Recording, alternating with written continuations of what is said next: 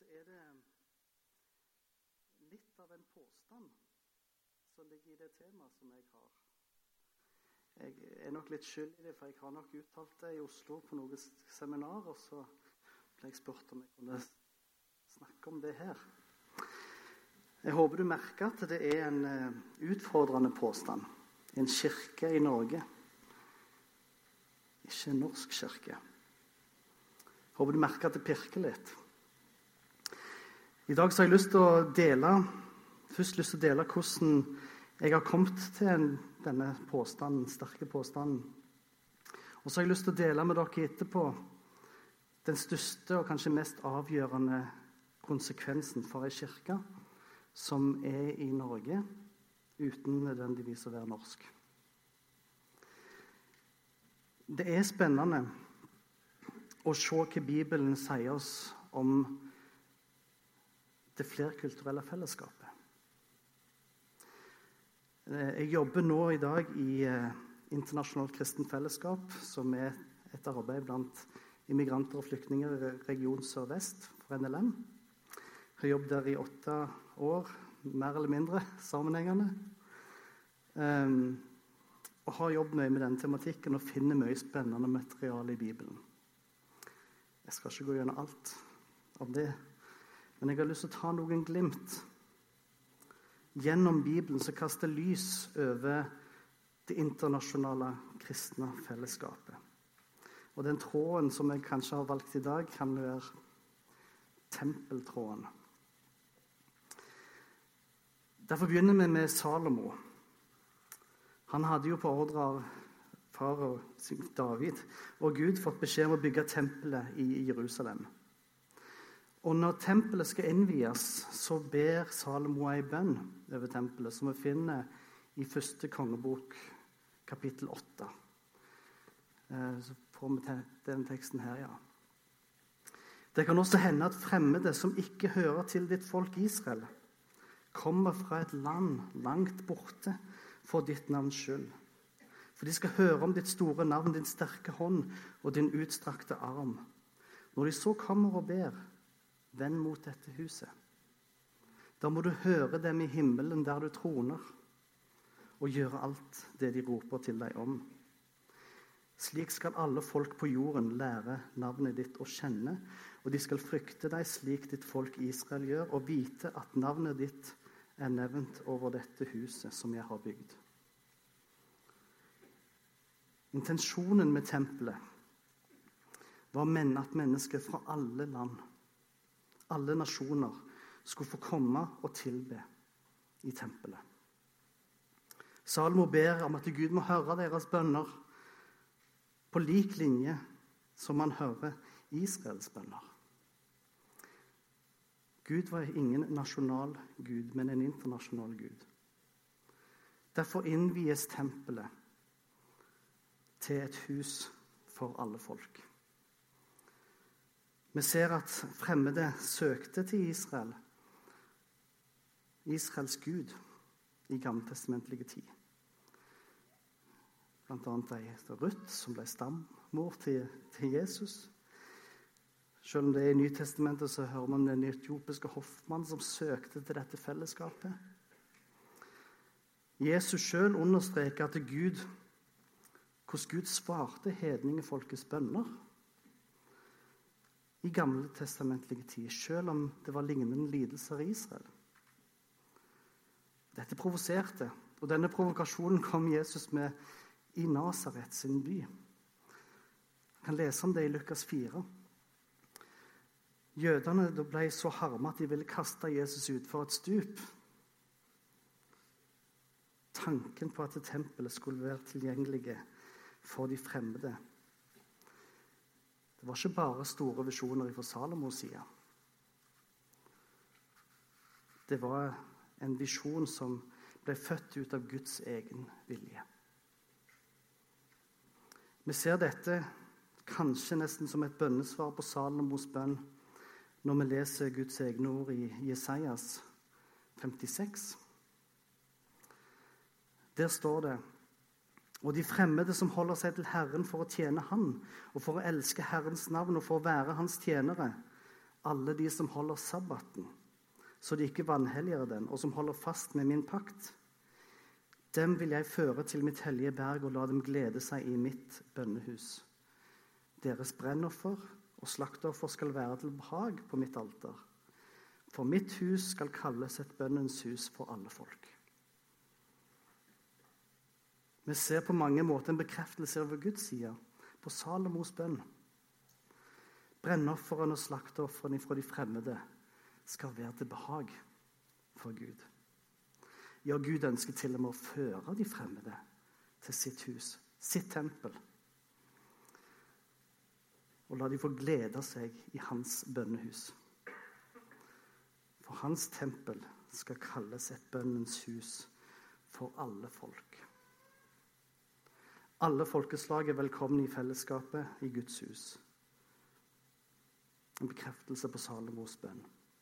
Nå var det sånn i tempelet at hele tempelet var ikke tilgjengelig for hedningfolkene. Den delen av tempelet som var åpen for for hedningfolket kaltes for hedningenes forgård.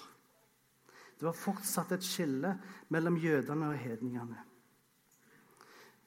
Men vi finner en beretning i evangeliet hvor Jesus oppholder seg i hedningenes forgård. Jesus blir rasende fordi området var blitt forvandla til en markedsplass for offergaver. Han velter bordene, og så sier han de samme ordene som vi leste i Esaias nettopp.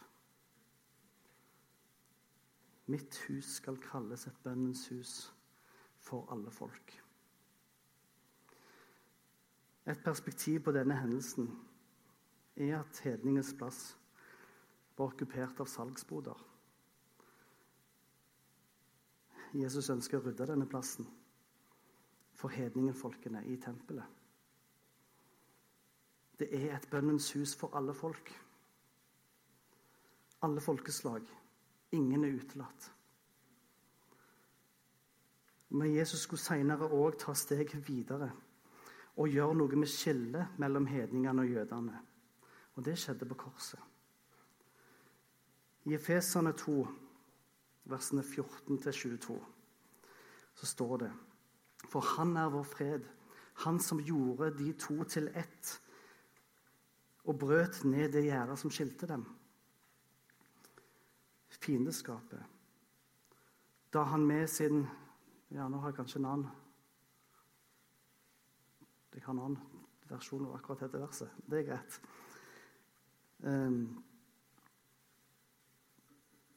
ja, da han ved sitt skjød avskaffet den lov som kom med bud og forskrifter.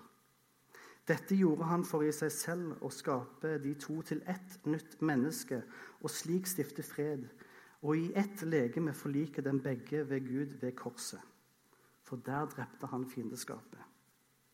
Og han kom og forkynte evangeliet om fred for dem som var langt borte, og fred for dem som var nær. For gjennom han har vi begge adgang til Faderen i én ånd så er dere da ikke lenger fremmede og utlendinger.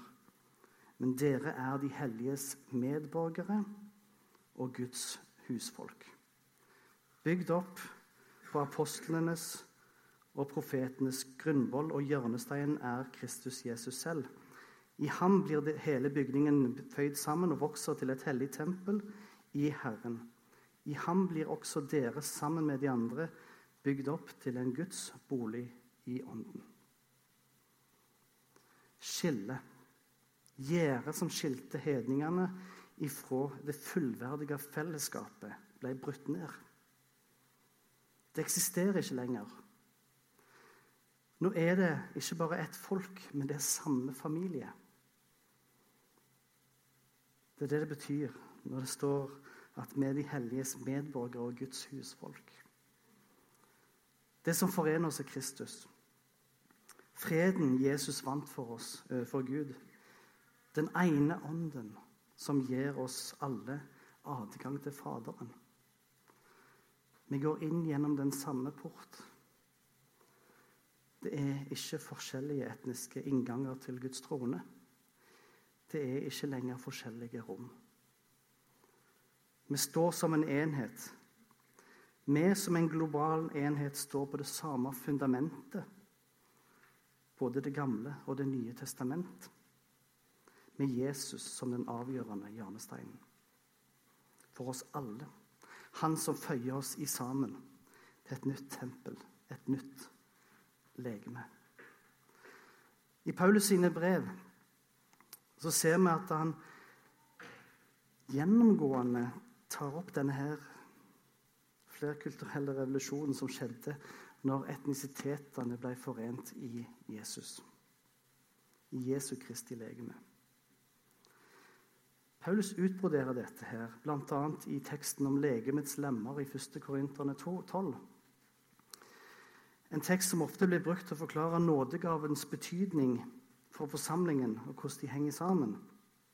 Og Jeg mener det er en rett anvendelse av den teksten. Men jeg skvatt litt når jeg leste at eh, den kjente teksten innledes òg med et etnisk fokus. For med én ånd ble vi alle døpt til å være ett legeme, enten vi er jøder eller grekere, begynner han med. Jeg gjorde et forsøk. Jeg bytta lemmene med nasjonaliteter. Det er sjokkerende lesning. Om etioperen skulle si fordi jeg ikke er norsk, hører jeg ikke til legeme, så hører han likevel til legemet. Eller dersom hele legemet var norsk, hvor ble det da av filippinerne? Underforstått en nødvendig funksjon. Nordmannen kan ikke si til kineseren 'jeg trenger deg ikke', eller til polakken 'jeg har ikke bruk for dere'. Men nå satte Gud folkeslagene, hver enkelt av dem, på legemet slik som han ville. For at det ikke skal være splittelse i legemet. Men folkeslagene har samme omsorg for hverandre. Om ett folk lider, da lider alle kristne med. Om ett folk blir hedret, da gleder alle kristne seg. Dere er Kristi legeme, og hver for seg hans lemmer. Vet at vi ikke skal legge noe til Guds ord. Men jeg tror at det flerkulturelle legemet Det flerkulturelle aspektet er òg en del av denne tekstens betydning. Dette var en kampsak for Paulus. Han ønska å innleve, innlemme hedningfolkene på det samme legemet, uten at konvertittene først trengte å bli jøder for å bli en del av legemet. På samme måten så trenger jo ingen å bli norske før de blir en del av våre forsamlinger. Jeg føler at nivå 10 legitimerer det nasjonalistiske fokuset òg blant kristne. I så stor grad at det kan overskygge Kristi globale legeme. Jeg er redd for at dette fokuset splitter legemet. Jeg kjenner et kall som òg formidles fra Paulus, om å søke å innlemme trossøsken med utenlandsk bakgrunn i vårt forsamlingsliv. Det er dette bildet av den bibelske, flerkulturelle forsamlingen som vi finner i Johannes' åpenbaring. Får opp den teksten òg fra Johannes 7. Dette er den forsamlingen vi skal få være en del av. Deretter så jeg en skare så stor at ingen kunne telle dem. Av alle nasjoner og stammer, folk og tungemål. De sto foran tronen og lammet, kledd i hvite kapper med palmegrener i hendene, og de ropte med høy røst. Seieren kommer fra vår Gud, han som sitter på tronen, og fra lammet. Guds menighet er flerkulturell. Vi har våre trossøsken fra mange forskjellige nasjoner. Vi bekjente det i trosbekjennelsen òg i dag. Vi tror på en, en hellig, allmenn kirke. Allmenn i denne sammenheng betyr universell. Martin Luther sier at denne universelle kirka er usynlig. Det ene globale legemet er usynlig. Vi ser ikke det hele bildet. Men siden Luthers tid så har migrasjon akselerert. Og vi forholder oss i dag til en globalisert verden, og rett under 200 nasjonaliteter er representert i Norge. Vi har en mulighet i vår tid til å få et glimt av den evige himmelske menighet. Og vi utvider vår forståelse av legemet ifra en forsamling. At legemet er større enn NLM. At legemet er større enn Norge. Og vi får en sjølforståelse at vi er et lem på et globalt legeme. Da begynner vi å erkjenne at vi er ei kirke i Norge. Ikke nødvendigvis en norsk kirke. Vi har ikke en nasjonalistisk lojalitet, heller ikke en internasjonal lojalitet, men vi har en himmelsk lojalitet. Og Det siste halvåret så er det en bekjennelse av patriarkene som har arbeida litt med meg. I Hebreerne 11 så blir patriarkene lista opp. Og midt i beretningen dukker det opp en bekjennelse som jeg ikke hadde lagt så veldig mye merke til før. Fordi dere ser det i vers 13, så begynnes det med et fantastisk bilde på håp. Og der har jeg ofte stoppet, og så har jeg ikke lest fortsettelsen. Men hvis en leser fortsettelsen i Hebreerne 11, 13 b og, videre ut, så har jeg lurt på om den bekjennelsen som vi finner der, er en kristen bekjennelse. Det står det. Jeg skal få det opp på skjermen.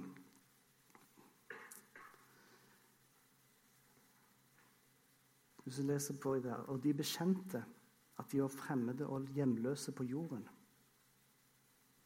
Når de taler slik, viser de klart at de lengter etter et fedreland. Var det, hvis det var det landet de dro ut fra, de tenkte på, så hadde de tid til å vende tilbake. Men nå er det et bedre land de lengter etter, det himmelske. Derfor skammer ikke Gud seg over dem ved å bli kalt deres Gud, for han har gjort en stad ferdig til dem.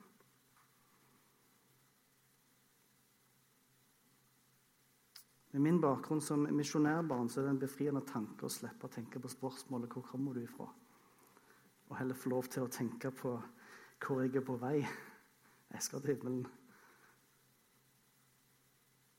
Men om dette her er enhver kristens bekjennelse Jeg er en fremmed og utlending på jorden. Da vil en, sånn, en, en frukt av en sånn bekjennelse være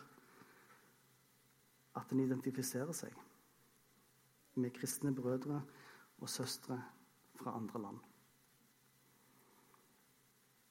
Vi har et felles himmelsk borgerskap og medlemmer av den samme familie. Dette perspektivet har jeg med meg i møte med kristne innvandrere som jeg møter i Norge. Jeg sier til dem at du må nok akseptere at du vil være en utlending i Norge. Men når du kommer til forsamlingen, da er du hjemme.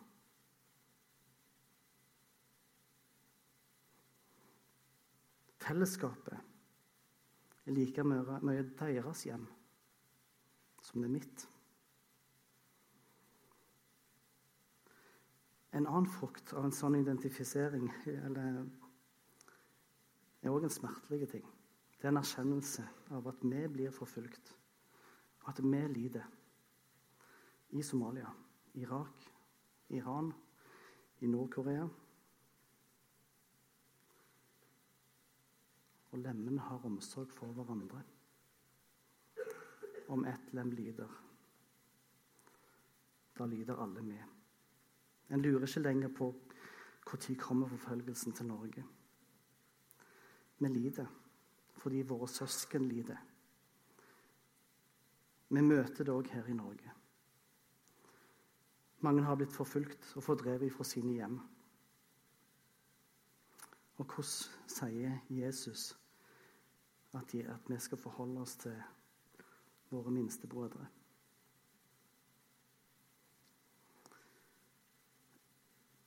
Innledningsvis sa jeg at jeg ville dele den største og mest avgjørende konsekvensen for ei kirke som er i Norge, uten at den nødvendigvis er norsk.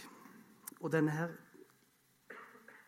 identiteten, da, denne sjølforståelsen som jeg har vært inne på, er kanskje den største og den vanskeligste konsekvensen for oss.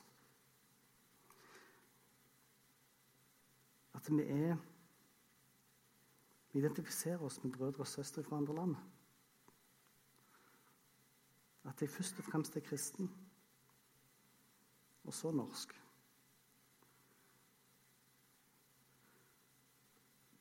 Det står langt inne, men når denne holdningen til kristne søsken får slå rot i oss, da vokser det fram et ønske om et flerkulturelt fellesskap. Da kjenner en en smerte over å se at vi som både i våre forsamlinger og som organisasjon ikke gjenspeiler den norske demografien. Vi har ikke 16% med internasjonal bakgrunn blant våre ansatte i våre forsamlinger, på skolene våre, på UL eller GF. Og vi identifiserer oss med brødrene fra andre land i våre, i våre fellesskap. Så blir disse tingene som ofte hindrer oss, altså disse egentlig språkforskjell, kulturforskjell Det blir litt bagateller. Det overskyggende er fellesskapet som vi får ha i Kristus som søsken. Det er kanskje litt svevende å, komme med et sånt utsagn, men det var en filippinsk au pair som sa til meg at eh, Hun sa det riktignok på et annet språk, hun sa det på engelsk. Hun sa 'We speak the same language'. Vi snakker det samme språket. That is Christ language, sa jeg. Vi snakker Jesus-språk. Det var en sånn vekker for meg. Ja, vi har kanskje forskjellige språk, men vi, vi deler det samme språket òg. Språket i ånden. Med Guds ord. Mesteparten av innvandrerne som kommer til Norge, kommer fra land med en kristen majoritet. Noen av de jeg snakker med, sier at det er lettere for muslimer å finne et fellesskap, fordi innen ei uke har de funnet sin moské. Det tar mye lengre tid for en kristen innvandrer å finne en forsamling der han føler seg hjemme. En, en annen filippinsk au sa til meg jeg kan høre taler på Internett, jeg kan høre på Hillsong lovsang på Internett, men jeg trenger et fellesskap. Jeg sa at hun fikk bli med eh, på Ebenezer på Gandal, der jeg prøver å være på søndag morgen. Hun prøvde forsamlingen to søndager. Og så kom hun og sa til meg Dette er mitt hjem. Hva skal jeg gjøre?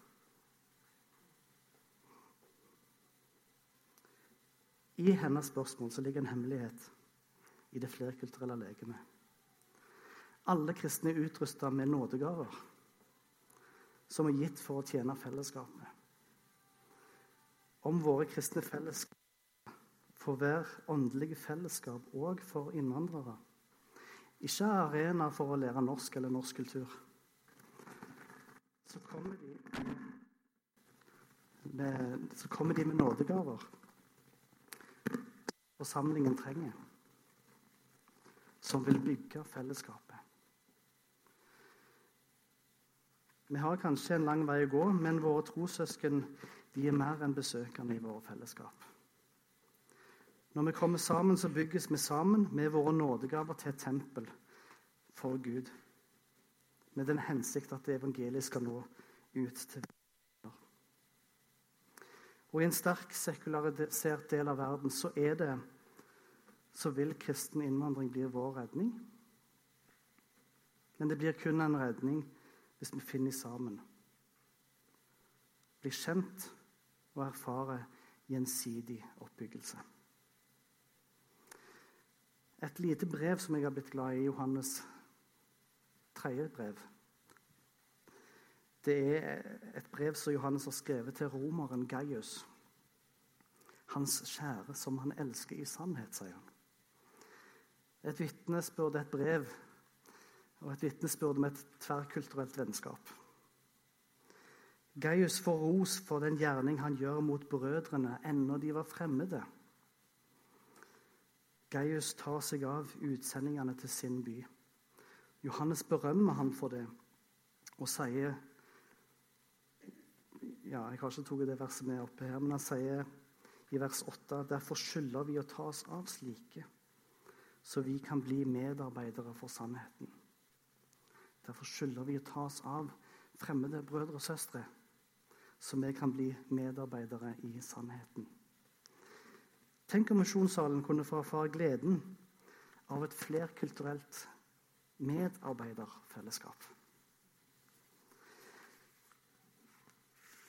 Jeg har presentert noen bibeltekster som viser hvordan jeg havner på denne sterke påstanden om at vi er kirka i Norge, ikke nødvendigvis en norsk kirke. Det er ikke sikkert du er enig i påstanden.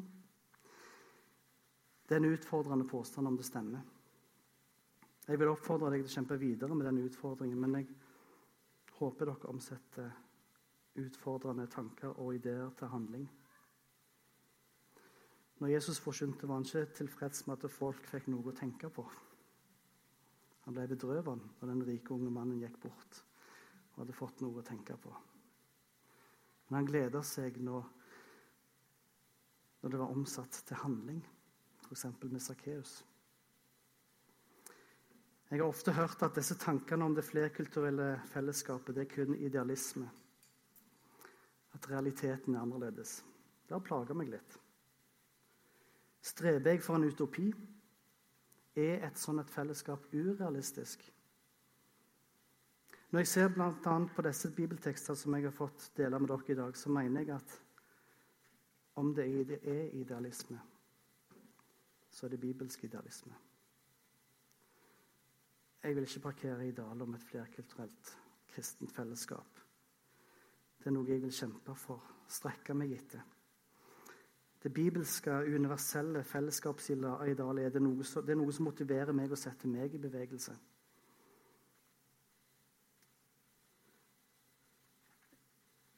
Guds ord setter oss i bevegelse mot et flerkulturelt fellesskap. Og Når jeg har fått muligheten til å tilbringe formiddagen med dere, så ønsker jeg at det, bibelske idealet òg setter dere i bevegelse. Den største utfordringen blir vår selvforståelse. Er vi som fellesskap norske, eller er vi en del av ei global kirke? Ikke bare i teorien, men i praksis. Jeg tror at misjonssalen skal kalles et bønnens hus for alle folk.